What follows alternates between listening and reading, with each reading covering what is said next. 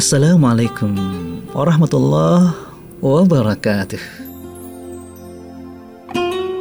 Mitra Muslim, Anda baik, Anda bahagia, Anda senyum menghadapi hidup ini, apa pun keadaannya, saya yakin itu. Mitra Muslim, semua orang ingin sekali kalau hidupnya serba mudah.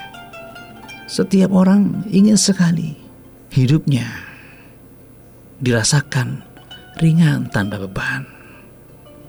Dan setiap manusia seperti pingin jadi tukang sulap. Sim salabim. Semuanya ada di hadapannya. Tahukah Anda mitra muslim? Allah tahu apa yang diinginkan oleh hambanya. Allah tahu.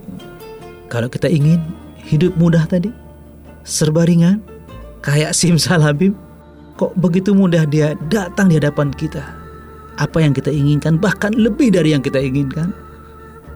Islam datang hanya untuk membuat kita bahagia. Islam datang hanya untuk membuat kita tersenyum.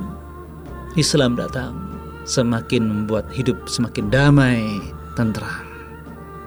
Inilah yang digambarkan oleh baginda Rasulullah sallallahu alaihi wasallam. Man kanatil akhirah hamhu.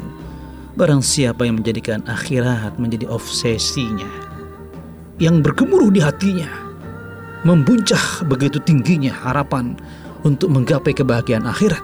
Ketika itu dalam ada dalam hati kita semuanya, ja'alallahu ghinahu fi qalbihi. Allah otomatis menjadikan hatinya merasa serba cukup, merasa kaya, tidak pernah merasa kekurangan, tidak pernah merasa miskin, tidak pernah tidak peduli bagaimanapun apa pun yang sedang dimilikinya. Bahkan kemudian barang siapa yang menjadikan akhir sebagai obsesinya yang terus bergebur dalam dadanya, wajah ma'alahu syamlahu. Allah memudahkan urusan hidupnya.